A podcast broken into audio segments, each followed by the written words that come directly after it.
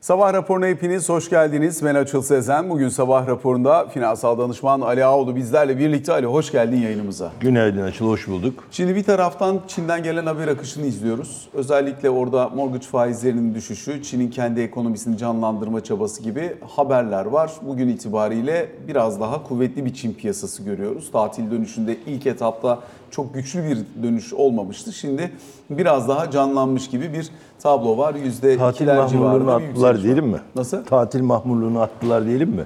Bilemiyorum neyi attılar ama şu anda alt tarafında biraz daha fazla yoğunlar. Özellikle tabii e, bundan sonraki aşama için atılacağı söylenen adımlar, verileceği söylenen destekler belirleyici olmaya devam ediyor. Birazcık orayı tartışırız. Biraz özellikle Amerika'da gelen enflasyon verisi sonrasında bozulan moraller, oradaki değerlemelerin nereden nereye geldiği. Şimdi bütün piyasa bir tane hisse senedine ba- bakmaya başladı. Yani işte Nvidia bilançosu nasıl gelecek? Oradan gelecek olan bilanço AI tarafındaki bizim ortaya atmış olduğumuz senaryoları ne kadar besleyecek, ne kadar beslemeyecek? Biraz buralara odaklanmış gibi görünüyor. Biraz orayı da konuşuruz. İçeride ise yarınki e, para politikası kurulu toplantısı, onunla ilgili beklentiler ve aslında belki son dönemde iş dünyası açısından da önem taşıyan bir başka konu.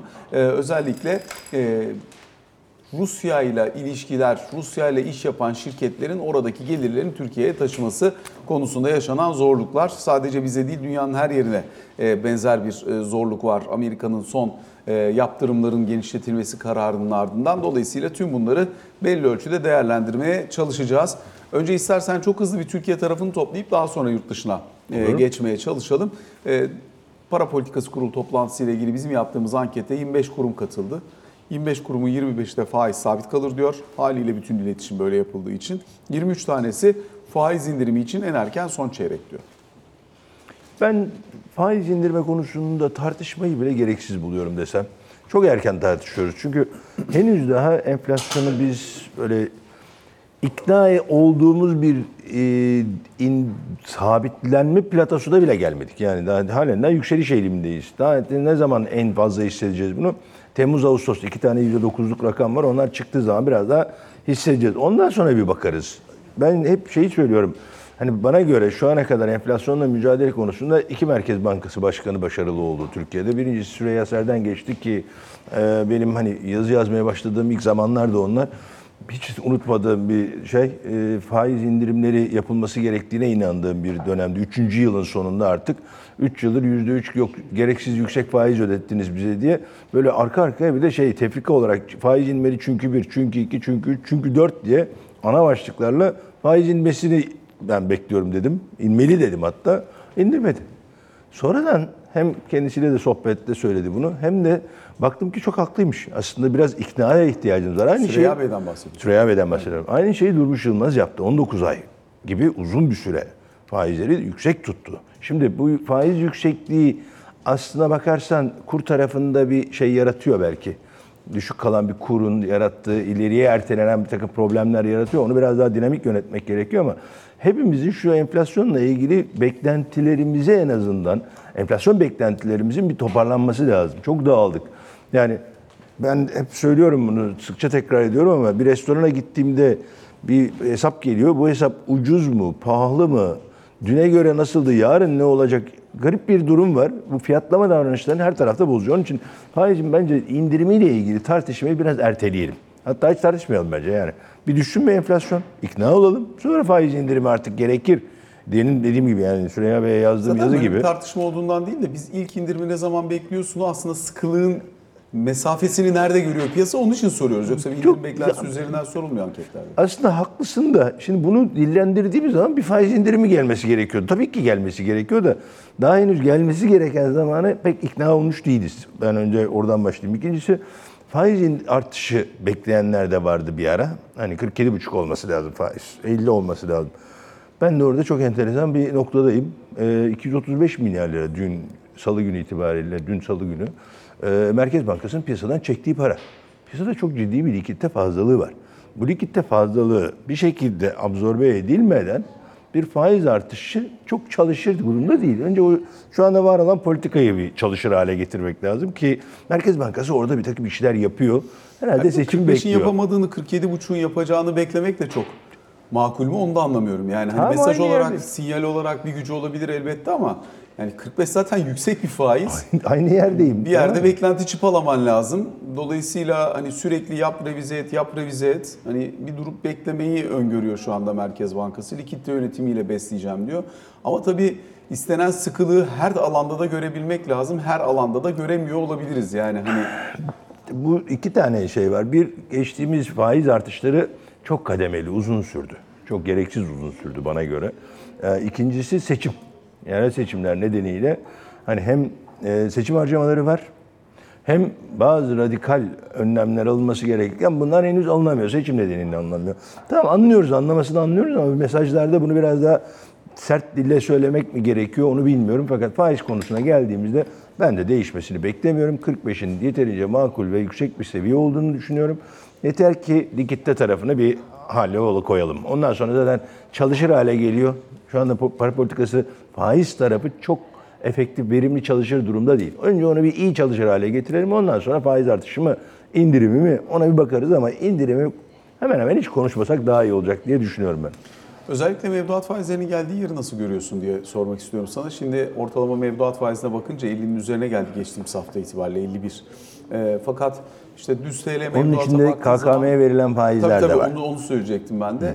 Hani düz TL'ye baktığın zaman kabaca 43-45 bu aralara geldiğini söyleyebiliriz. Ama eğer döviz dönüşümlü mevduattan aylık dönüyorsan e, Türk lirası mevduata işte oralarda aylıkta işte e, yüzde 60'lar civarında falan bulabiliyorsun. Veya dönüp e, şeye 3 ay vadeye gittiğinde 53'ler 54'ler bulabiliyorsun. Hani bunların ortalamasına baktığın zaman e, kabaca işte 51 civarına geldiği anlaşılıyor. E, fakat buradaki temel sorun e, işte 45'ler civarında bir mevduat faizinin ikna edicilik düzeyinin ne olduğu ki bu bile aslında e, bundan 2-3 hafta önce zorunlu karşılık düzenlemesi, zorunlu karşılığa NEMA düzenlemesi gelene kadar 38-40'lardaydı. E, O yüzden hani politikada biz bunu yaptık bir an evvel çalışsın bak hala çalışmıyor niye çalışmıyor falan tartışırken herhalde o aradaki düzenlemelerden sonra çalışıp çalışmadığına bir daha bakmak lazım şimdi. Ya o kesin. Birinci kısmı dediğim gibi e, haklısın. Etkilerini biraz zaman alıyor. İkincisi 6 ayda 9 ay arasıdır. Yani para politikasında atılan bir adımın gerçekten etkili ve etkin olabilmesi zaman alıyor. Üçüncüsü yani bunun niçin yapıldığı, ne adına yapıldığını artık hepimiz enflasyonla mücadele adına olduğunu biliyoruz. Orada ama henüz daha ikna olma konusunda orada da biraz zamana ihtiyacımız var. Yani burada Sayın Şimşek zaman istiyor. Ben ilk defa bu zamanın kendisine tanınması gerektiğini düşünüyorum. İlk defa dememin sebebi daha önceden hızlı faizler olsaydı, faiz artışları hızlı olsaydı daha doğrusu bu, bu konuda zamanı kaybetmemiş olurduk. Ama maalesef o zamanı kaybettiğimiz için bu zamanın etkisini görebilmemiz için hakikaten de biraz zamana ihtiyaç var. O yüzden biraz sabırlı olursak bu iş hallolur ama dediğin doğru. Türk lirasında kalma veya e, döviz tercihini Türk lirasına çevirme veya dövizden dönüşümlü KKM'nin ve şeyi bitirip KKM'yi döviz tarafındaki riski artık bırakıp TL tarafına geçmesi biraz o ikna ile ilgili. Yani ikna olmamızla ilgili. Henüz daha ikna olduğumuzu ben de düşünmüyorum. Ben ikna olmaya çok hazırım. Onu söyleyeyim. Bayağı da iknaya yakınım. 51 yakında oranında ikna olmuş durumdayım. Ee, beklenti anketi de aslında onu bir parça gösteriyor. 37.8 diyor mesela 12 aylık enflasyon beklentisi. bir, yüz- bir 130 bas puanlık bir düşüş var orada. Evet yıllık yani Ocak ayını gördükten sonra yıllığın yani 2024 sonunun sonu yıl sonu makul ama 12 Ha, makul. baktığın zaman- aynen öyle. Esas orada bence iyi ve e, pozitif olan taraf katılımcıların sayısı da arttı. Yanılmıyorsam 70'e mi 80'e Evet, mi evet. çıktı? Yani eskisine daha yakın bir örnekleme Evet, dönüyor. finansın dışında da reel sektörden de katılımcılar var artık. O yüzden onların şeye yakınsaması, Merkez Bankası'nın tahminine yakınsaması, hedefine değil bu arada, tahminine yakın, yakınsaması bence iyi bir haber. Ee, hani o düşüş de pozitif bir şey. Şimdi yavaş yavaş dediğim gibi bu bir ikna süreci.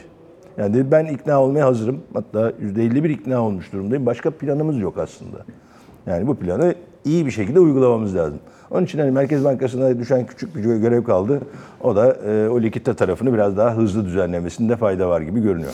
Peki şunu sorayım sana. Para politikası tabii bir araç sonuç itibariyle ve bunu bir yere bağlamak, bir yere çıpalamak gerekiyor. Biz daha önceki dönemlerde sen Süreyya Serden geçtiği döneminden bahsettiğin için o dönemi hatırlayacak olursak elbette para politikasında Türkiye işte sabit kur politikasını bırakmış bir şekilde e, dalgalı döviz kuruna geçmişti. Ama dalgalı döviz kuruna geçerken bir tarafıyla da bir bankacılık sistemi o dönemde çok bozuktu. Onu regüle etmişti. Onun dışında piyasada fon akımlarını revize etmişti. Bütçe dışı fonları tamamen kaldırmış, hepsini bütçeye bağlamış. Bütçeyi %6,5 faiz dışı fazla verecek şekilde uzunca bir süre götürmüş. Dolayısıyla çok sıkı bir mali politikayla yoluna devam etmiş. Kamudaki verimsizliği ortadan kaldıracak birçok problem e, olan alanı yeniden düzenlemiş. Üst kurullara yetki, görev ve sorumluluk vermiş. Buralarda bağımsızlıkla özellikle üst kurul bağımsızlığıyla bütün sektörlerin regülasyonunu ayrı ayrı yapmıştı. Yani bu bir programdı. İşin bir bacağı elbette işte IMF programı ve dışarıdan gelen kaynakta ama diğer tarafıyla Türkiye ekonomisinin tamamında görülen sorunları çözmeye dönük bir irade ve o iradenin beraberinde bağlanmış olduğu bir yol haritalı program vardı. Şu anda bizim bir orta vadeli programımız var ama orta vadeli program da inandırıcı, önemli, değerli ama bununla birlikte orada birçok şey orta vadeli programın içinde niyet, dilek ve temennilerden oluşuyor. Çok güzel. Yani bir yol haritası, bir ekonomik programı seçim sonrasında görmeyi bekler misin? Yani para politikasını destekleyecek, besleyecek bir ara ekonomik program çerçevesine ihtiyaç var mı sence? Ben yani bir kere mükemmel özetledin o dönemi. Ağzına sağlık. Ben bu kadar hızlı ve güzel bir manzume halinde söyleyemezdim. Benzerini isterdim. Yani görmek isterdim daha doğrusu. Şimdi e, Sayın Şimşek'in attığı adımların veya atacağı adımların ne olduğunu bilmiyoruz. Yani bir program. Şimdi orta vadeli program dediğin gibi temenniler bölgesi. Şimdi o böyle vizyon misyon gibi hani şirketler böyle vizyon misyon yapar ya sonraki dönerler bir tane bütçe ve bu bütçeye uygun olarak da planlamalarını yaparlar. Aynı şeyin burada da olması gerekiyor bence. Devlet de bir şirket gibi yönetilmesi gerekmiyor ama şirketten daha iyi yönetilmesi gerekiyor. Çünkü bütün şirketleri bağlıyor. Geçtim e, sadece faiz var şu anda elimizde. Yani daha doğrusu enflasyonla mücadele adına biz şu anda bir tek faizi kullanıyoruz. Ben seçimden sonra vergiler tarafında ve hem Merkez Bankası Başkanı'nın söylediği hem de zaten olması gerektiğini düşündüğüm için özellikle enerji tarafındaki bir fiyat ayarlaması gelmesi gerekiyor veya gelecek. Ee, ama özellikle vergiler tarafında da bazı adımlar atılmasını bekliyorum. Seçim nedeniyle bunlar ertelendiği için hep mesele aynı şeyi ben tekrar ediyorum biraz ama zamanla, zaman çok kıymetli bir şey. Biz bu zamanı biraz boşa harcadıkça hem maliyet artıyor hem etki gecikiyor. Etki geciktikçe bu sefer güven oluşmuyor. O güven oluşmayınca da zaten program amacına çok kolay kolay ulaşamıyor. O yüzden ben seçimden sonra da biraz derli toplu yeni bir aksiyon planıyla bahsettiğim gibi bütçe ve ona bağlı planlamayla benzer hem bütçede bir disiplinin gelmesi gerekiyor. Çünkü ciddi bütçe açığı vermeye başladık. Ve böyle devam ederse işimiz gerçekten çok zor. Çünkü bir taraftan bütçe açığı veriyorsunuz, bir taraftan faizi yükseltip parayı çekmeye çalışıyorsunuz. Bunlar ikisi çok şey değil. Örtüşmüyor Örtüşmüyor. Yani çalışmıyor. Ben bunu hani bir zamanlar enflasyonla mücadele ediyoruz deyip bir de faizi düşürüyoruz. Ya bu arada Bü- bünyeye kan sulandırıcı ile pıhtılaştırıcıyı aynı anda verme gibi bir şeydi yani. Bu arada bütçede mesela şöyle problem de var. Hani onu da yatsımadan konuşmak lazım. Elbette bir deprem harcaması var. Kesin. Yani Haklısın. gelirin 3 puanı kadar e, geçen sene ve bu seneye konulmuş bir deprem harcaması var. Dolayısıyla hani siz bütçeyi ne kadar sıkarsanız sıkın işte Sayın Şimşek mesela e, deprem harcamaları hariç bütçe açığı 1.7 dedi. Hani KKM'nin maliyeti Merkez Bankası'na gitti onu da dahil etseniz hani kabaca 5.5-6'lar civarında bir bütçe açığının milli gelire oranı aslında bu dönem için deprem de varsa 3 puan oradan geliyorsa aslında makul ve anlaşılabilir. Ama tabii e, insanların yaşam standardı çok düştüğü için sürekli desteklemek zorunda kalıyorsunuz. Yani bir taraftan emekli ikramiyesini artırıyorsunuz, bir taraftan ücretler, bir taraftan kamu zamları, bir taraftan toplu sözleşmeler falan. Hani oralarda çok ekonomi yönetimine kalsa olacaklarla siyasetin gereklilikleri arasında siyasetin gereklilikleri daha öne çıkıyor gibi anlaşılıyor. Ya oldu mu Onlar genişleyici yani. Evet bu oldu mu olası böyle. Bizde bizim gibi toplumlarda, bizim gibi ülkelerde oldu mu olası böyle. Öteki program bize çok dar geliyor. Onu onunla, onunla pek kolay kolay barışamıyoruz diyeyim hani şeyde. Fakat yine de diyorum hani bunların bir kere şöyle şunu da söylemem lazım. Yani bütçe için ne kadarı depreme gidiyor, ne kadarı şeye gidiyor. Bunu bir mesela bize bir derli toplu anlatılsa Aslında anlatıldı da yani arala Sayın Şimşek anlatıyor. Yani hem Plan Bütçe Komisyonu'nda hem bütçenin kabulü sırasında hem daha sonraki konuşmalarında iş dünyasıyla temaslarında falan anlatıyor yani aslında. Katılıyorum ama bunun bir de dediğim gibi o planlama, aksiyon planına biraz daha derli toplu dökülse mesela önümüzdeki dönem çok basit Bu, bu, bu ay 200 milyar lira borçlanma hedeflenirken 297 milyar lira borçlandı hazine. Ya bu, bu bir ay içinde bu hedef bu kadar sapıyor olamaz yani. Olmamalı. Ha diyelim deprem harcaması var. 300 milyar borçlanacağız dersin 297 borçlanırsın bir sorun çıkmaz. Veya 275 dersin 297 borçlanırsın bir sorun çıkmaz ama %50 sapma bir ayda olunca ben ben hani burada biraz daha değerli toplu, disiplinli bir aksiyon olmasını bekliyorum ama senin sorunun başına en en başına döneyim. Tek başına faizle bu iş olmayacak ve bahsettiğin gibi siyasi sahiplerle yapılan e, maaş ve şeyler, e, ikramiye vesaire harcamalar şeyler baktığında e, gene ekonominin önüne geçen siyaset gibi görünüyor. Seçimi anladık. Yani hepimiz kabul ediyoruz ama benim temennim, isteğim diyeyim, e, seçimden sonra sadece faiz değil, diğer alanları da dahil eden, sadece vergi de değil bu arada. Maliye politikası dediğiniz zaman hep vergi anlıyoruz biz. Sadece şey değil, vergi de değil. Ödeme, bütçe dengesiyle ve disipliniyle daha değerli toplu, daha böyle ayakları yere basan bir program görmeyi hayal ediyorum. Belediye seçimlerinin arkasından bir anayasa referandumu vesaire gibi tartışma olursa İnşallah gelmez. Çünkü dün Sayın Cumhurbaşkanı'nın açıklamalarında var. Daha önceden de vardı Vardı, yani. Hani bir biliyorum. bununla ilgili tartışma e, hani bir önce sonraki seçimin öncesine gelebilecek bir referandum vesaire bunlar da belki orta vadede piyasanın düşünmesi gereken unsurlar olabilir. Evet. yani- Peki. Buradan döneyim. Dün mesela bir de e, enflasyon yüksek dedik. Bu enflasyonun yükselişinden kaynaklanan sorunları ki bir kısmı bizden bir kısmı dış, koşullardan da kaynaklanıyor olabilir. E, sonuçları yönetmeye dönük hamleler de var. Örneğin dün EPDK rafinerilerin marjlarına getirdiği bir sınırlamayla, bir tavanla daha doğrusu e, mesela bu benzin ve motorinde 1 ile 1,5 lira arasında bir indirime gidileceğini açıkladı. Bu taraflara nasıl bakıyorsun? Şöyle söyleyeyim. Yani bu fiyat- sadece EPDK'nın yaptığı bu düzenleme Biliyorum. temeliyle söylemiyorum da sonucu yönetmeye dönük hamleler üzerinde. Evet ama bu fiyatlara nar getirme işi çok çalışır bir şey değil. Buyur kiraya yüzde 25 artış dedik. Her şey birbirine girdi. Mahkemelerdeki davaların yüzde 80'i kiracı ev sahibi davasına dönüştü. Ya bu, bu nar getirme hikayesi problem. Bir, rafinerilerin buna karşı yapabilecekleri, atabilecekleri en akılcı hamle Türkiye'de ihtiyacın hmm, tamamını karşıladıktan sonra ilk hamlede de yurt dışına ihraç etmek. Çünkü oradaki o marj serbest piyasada belirlendiği için biraz daha rahat olurlar orada ama ben bu narları çok doğru bulmadığımı söyleyeyim. Yani enflasyonu kontrol etme adına getiriyoruz. Ama sonra onlar ya enerji biriktiriyor sonra başka bir yerden patlıyor ya da ahlaki erozyona yol açıyor, hukuki erozyona yol açıyor. Her taraftan problem çıkıyor. Bunlara gerek yok. Aslında burada yapmamız gereken enflasyonla ilgili mesela enflasyonun en veya şu andaki faiz ve kur, enflasyon tartışmalarının içinde kendi kendini besleyen bir sürece doğru gidiyoruz. Bu süreci durdurmak lazım bir yerde. Bir yerde durması lazım ki tekrar kendi kendini doğurmasın. Bu süreci düzeltsek ne narhla uğraşmanıza gerek var, ne oraya buraya zapt rapt altına almaya çalışıp sonra marketlere gidiyorsunuz, fiyatlar, raflardaki fiyatlarla uğraşıyorsunuz. Hiç bunlara gerek yok ki.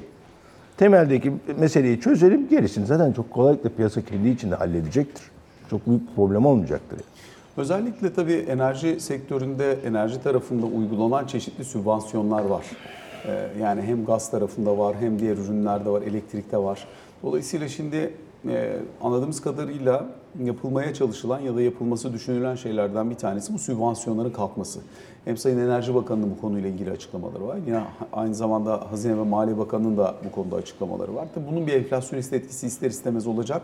Bakın. Ama diğer tarafıyla da dönüp baktığımızda e, sübvansiyon e, mekanizmasının sürekli, devamlı, yıllara sarih bir şekilde gelişmesinin yarattığı çok ciddi bir bütçesel artı kurumların üzerinde biriktirdiği yük de var. Her zaman sadece bütçe üzerinde de kalmıyor ama mutlaka bir yük de var. E, Dolayısıyla buradaki çözümü ara formülü nasıl oluşturabiliriz?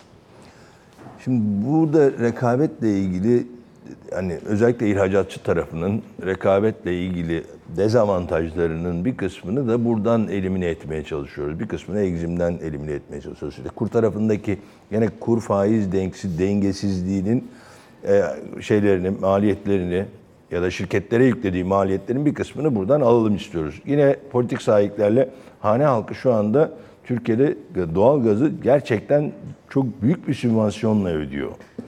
Çünkü çok ciddi bir sübvansiyon var orada. Onu ortadan kaldırmak hakikaten çok zor. Ya bir taraftan sosyal yardım vereceksiniz, bir taraftan hane halkının e, şeyini arttıracaksınız, gaz maliyetini arttıracaksınız. Çok zor bir denge bu. Ama işi buraya kadar keşke getirmeseydik diyeyim. Keşke getirmeseydik çünkü bunu geri almak çok zor. Herkes bunu hak olarak görüyor bir taraftan. Bu hak elinden alındığı zaman da doğal olarak tepki gösterecektir.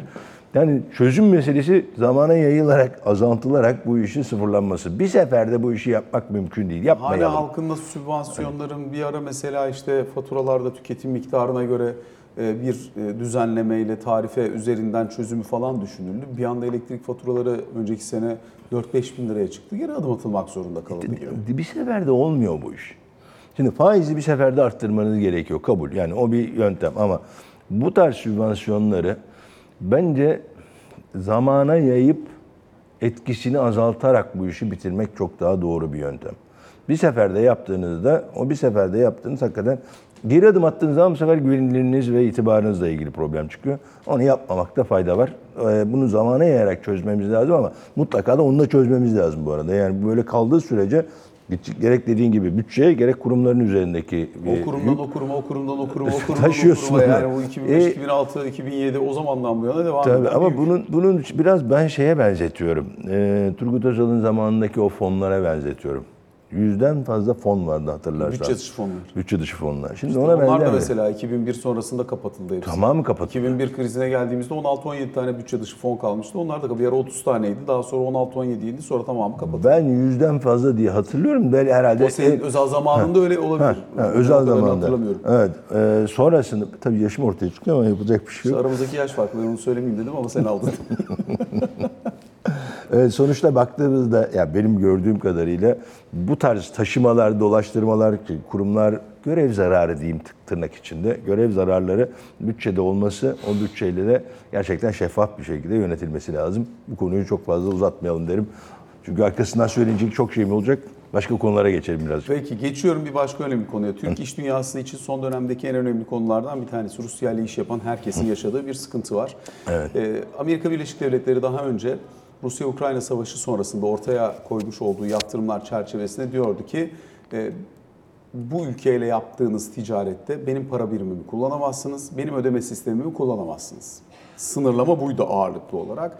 Belli başlı ürünlerin satışına da sınırlama ve yasak getiriyordu. Fakat şimdi e, 22 Aralık tarihinde Amerika Birleşik Devletleri'nin yaptığı yeni bir düzenleme var. Bu sadece Türkiye için değil bütün dünya için geçerli. Diyor ki para birimin ne olursa olsun Rusya ile yaptığın ticarette kullandığın benim yaptığım, benim uyguladığım yaptırımları zayıflatacak veya etrafından dolanacak herhangi bir ticari aktivitede bulunuyorsan burada o para birimi Türk lirası ruble de olsa, yuan da olsa, başka bir para birimi de olsa beni ilgilendirmiyor. Ben bunu yaptırımları ihlali sayarım. Dolayısıyla burada bayağı ciddi bir problemli tabloyla karşı karşıyayız. Zira yaptırım listesine giren ürünlerin önemli bir kısmı normal güncel hayatta kullanılan ihracat malzemelerini de etkiliyor.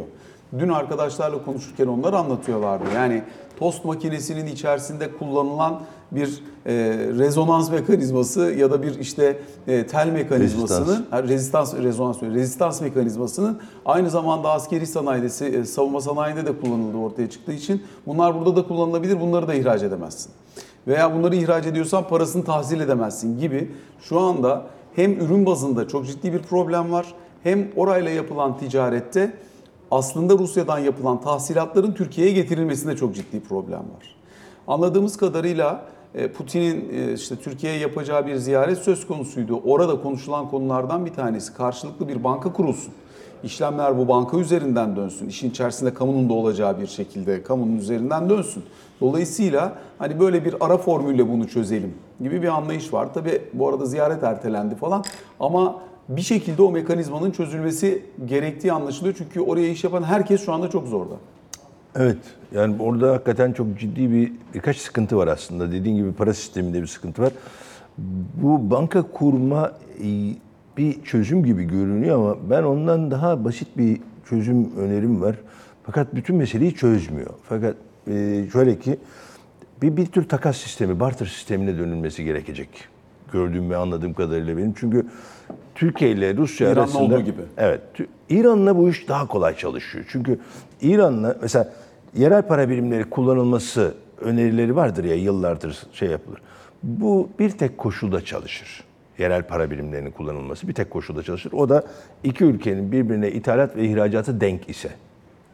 Yani İran'la Türkiye'nin ithalat ihracatı birer milyar dolarlık artı eksiler arasında gidip geliyor. Orada çok büyük problem olmadan çözersiniz. Ama Rusya öyle değil. Yani 35 milyar dolar ith- ithalat yapıyoruz ve 6 milyar dolar ihracat yapıyoruz. Aslında çok geniş kesimi ilgilendiren kısım 6 milyar dolarlık şey ihracat kısmı. Onun tahsilatıyla. Onu takas sistemi, iki tane belki bir banka, belki bir takas kurumu, bir netleştirme, takas yani clearing dediğimiz bir netleştirme mekanizmasının kurulması en azından bankaya bile ihtiyaç duyulmadan bir şekilde oradaki şeyi 6 milyar dolarlık Türkiye'den mal alan arkadaşlar paralarının Türkiye'deki ödenmesi gereken, Rusya'ya ödenmesi gereken taraftan mahsup edeceğiz. Burada da bir kurum onları ilgili yerlere dağıtacak. Bir tür takas sistemi. Aradaki 30 milyar doları nasıl halledeceğiz sorusu var. O gerçekten çok zor. O devletler arası bir e, mekanizma diyeyim ya da bir süreç. Öyle bir çözüm. Fakat bir küçük bir sorun daha var. De ki bunları yaptık. Bu takası da yaptık. O takasa konu olan malların ihracata sayılması gerekiyor. Buna bir genel kabul gelmesi gerekiyor. Veya ki ihracat kapamaları yapılabilsin, Exim Bank taahhütleri kapatılabilsin. Bir başka şey, e, de ki oradan nakit geldi. Nakit getirebildiğiniz bir şekilde buraya diyelim. Onu da bir şekilde bu ihracat kapamaya saymanız lazım ki taahhütler kapanabilsin. Bunları kendi içimizde çözebileceğimiz konular. Ama 30 milyar dolarlık majör fark hakikaten şeylerin arasında, ülkeler arasında çözülmesi gereken bir konu. Ee, Amerika hakikaten bu yaptırımlarda çok ciddi e, her tarafı sıkıştırıyor ve sonunda bankacılık sistemi dokunmak istemiyor. Yani haklılar onlar da. Çünkü onlara da bir yaptırım geldiğinde bütün sistem şey yapılacak, dağılacak. Ya işte bazı ürünlerin Türkiye üzerinden Rusya'ya gidişi falan var. Mesela Türkiye'den şampanya, e, Türkiye'nin şampanya ithalatı patlamış durumda. O kadar da şampanya seven ülke olmayabiliriz yani. Büyük Ya- olasılıkla oraya gidiyor gibi. Ee, senin bahsettiğin o garip e, resistans meselesine bir, bir, bir, bir arkadaşımın söylediği çok ilginç bir şey. Kağıt kahve bardakları var ya. Evet. Onlar da orada da kullanılıyor diye onlara da aynı yasak gelmiş ve problem çıkmış. Olabilir. Ali abi çok teşekkür ediyoruz sana aktardığı yorumlar için. Kısa bir ara sonra ikinci bölümde e, Ali Can Türkoğlu ile karşınızdayız.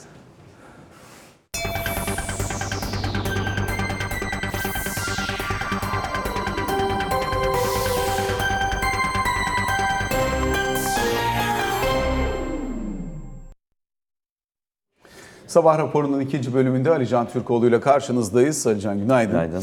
Şimdi öncelikle yerel seçim gündemini bir hızlıca e, tarayıp ondan sonra yurt dışına bakarız. Özellikle dünün tartışılan konularından bir tanesi DEM Parti'nin İstanbul'da başvuru yapıp yapamadığı meselesi oldu.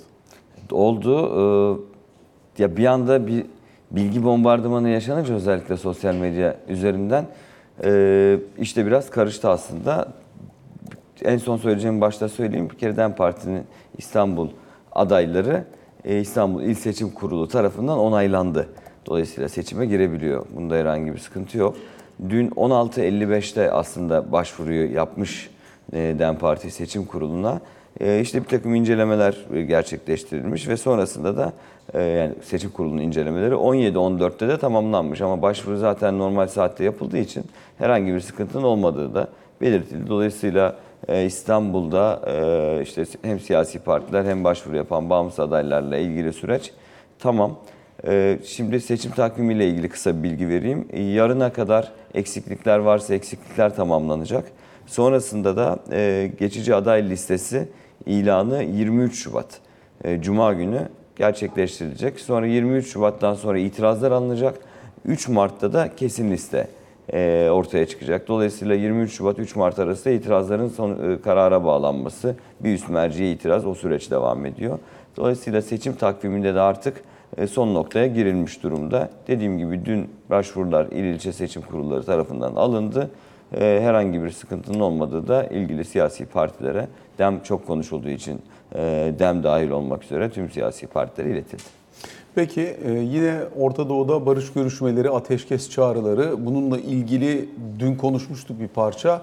O planın kabulü ya da tartışılması aş- aşamasında neredeyiz? Ya orada şöyle bir aslında e, ayrıntı var. Şimdi evet dün Amerika Birleşik Devletleri, Birleşmiş Milletler Güvenlik Konseyi'ne bu geçici ateşkesi destekleyen bir karar taslağı sundu. Hatta ilk kez altında imzası bulunan, içinde de ateşkes kelimesinin resmen geçtiği bir e, belge sunulmuş oldu bu noktada. Diyor ki Amerika Birleşik Devletleri zaten refaha yönelik e, sivilleri de e, içerisine alabilme potansiyeline sahip geniş çaplı bir operasyon e, daha fazla zarar verecektir sürece. Sivillerin de daha fazla yer değiştirmesine neden olur. Mümkün olan en kısa sürede geçici ateşkes e, onaylanmalı tüm esirlerin serbest bırakılması karşılığında gibi bir karar tasarısı. Ama şu, ayrıntı dediğim şey şu. Bu tasarının sunulmasından hemen önce Cezayir'in bir tasarısı var. Cezayir bir e, benzer e, noktada bir öneri sunmuştu Birleşmiş Milletler Güvenlik Konseyi'ne. E, Birleşmiş Milletler'in e, üyesi olan Arap ülkelerinin oluşturduğu Arap grubunun da bu tasarı için destek istediği zaten biliniyordu. Şimdi dün bu oylandı. Yani Cezayir'in sunmuş olduğu öneri oylandı ve veto eden kim? Amerika Birleşik Devletleri. Çekimser kalan İngiltere, diğer 13 ülke evet diyor. Yani bir yandan kendin tasarı sunuyorsun geçici ateşkese ilişkin, bir yandan ateşkesi içeren tasarıya karşı duruyorsun, veto ediyorsun. Burada da şöyle bir gerekçe sunmuş. Dün e, kalıcı ateşkesi kapsıyor tabii. Ateşkes diyor, geçici diye bir ibare yok Cezayir'in sunmuş olduğu tasarıda. Acil ateşkes talep ediliyor. Sivillere yönelik her türlü saldırıyı kınıyor ve zorla yerinden, yerinden edilmeye de karşı çıkan bir karar tasarısı bu. Amerika'nın karşı çıkmış, veto etmiş olduğu. Diyor ki Amerika bu tasarı şu anda mevcutta devam eden, işte Amerika'nın içinde olduğu, Mısır'ın, Katar'ın içinde olduğu, hem Hamas'ın, Hamas yetkililerinin hem İsrailli yetkililerin içinde olduğu müzakerelere zarar verir düşüncesindeyiz diyor. Olumsuz etkiler. Biz zaten her gün İsrail'e gerekli baskıyı uyguluyoruz. Eğer şu anda devam eden görüşmelerden olumlu bir sonuç alınırsa zaten 6 haftalık bir ateşkes olacak. Dolayısıyla buna zarar vermemesi için bu tasarıyı biz veto ediyoruz yönünde bir açıklama yaptılar. Aynı zamanda Kirby'nin de bir takım değerlendirmeleri var. O da diyor ki e, bence zaten Amerika'nın bakış açısını göstermesi açısından en önemli açıklama bu son dönemde.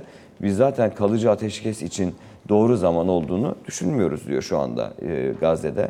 Kalıcı ateşkes Hamas'ın Gazze'de net olarak yerleşmesini, kontrolünün devamını sağlar. Bu açıdan kalıcı ateşkesin şu anda zamanı değil, geçici ateşkes uygundur. Onun için de 6 haftalık geçici ateşkes için de zaten görüşmeler devam ediyor. Cezayir'in tasarısı da bu yüzden gereksizlere getiriyor. O yüzden çok kısa süre içerisinde yapılan gör, e, o ateşkes müzakereleriyle ilgili olarak bir sonuç alınır mı bilinmez. Ama Birleşmiş Milletler'in ateşkese yönelik bir karar alması, kalıcı ateşkese yönelik bir karar alması ABD e, nedeniyle şu anda mümkün değilmiş gibi gözüküyor. Özellikle sürenin sonuna yaklaşıyoruz ama e, bir de Amerika Birleşik Devletleri'nin e, özellikle Rusya'da Navalny'nin ölümüyle e, Cuma, o- yani- ortaya çıkan tablo karşılığında yeni bir yaptırım açıklayacağına dair dün haberler var. Cuma günü o yaptırım açıklanacak. Hatta şöyle e, bildiğim kadarıyla yine sanki Kirby'nin açıklamaları vardı bu konuyla ilgili olarak. Hem Navalny'nin öldürülmesi hem Ukrayna Savaşı'nın Ölümü değil, başından öldürüldüğümü bilmiyoruz. e, ölmesi, hayatını hem Navalny'nin hayatını kaybetmesi diyelim. Hem de e, Ukrayna Savaşı'nın başından itibaren Rusya'nın hamleleri, hareketleri nedeniyle çok geniş bir yaptırım paketinin Cuma günü e, kamuoyuyla paylaşılacağını söyledi Amerika Birleşik Devletleri. Zaten aslında Ukrayna Savaşı'nın başından itibaren uygulanan bir takım yaptırım paketleri vardı. Şimdi bunun en genişi ve daha en büyüğü olduğu ifade ediliyor ABD'li yetkililer tarafından. Neyi kapsayacak göreceğiz ama Cuma günü zaten bununla ilgili açıklama yapılacak. Bir Cuma günü bir de şu var onu da aktarayım. Çok konuştuk bunu. Dün akşam aslında biraz bahsettim. Ee, Cuma günü İsveç Başbakanı da Macaristan'a gidiyor. Şu anda İsveç'in NATO süreciyle ilgili Macaristan onayı bekleniyordu. Cuma günü İsveç Başbakanı Macaristan'da 26 Şubat'ta da muhtemelen Macaristan parlamentosunda onaylanacak. Ali Can teşekkür ettik. Ben Sabah teşekkür raporunu ederim. böylelikle noktalamış oluyoruz. Hoşçakalın.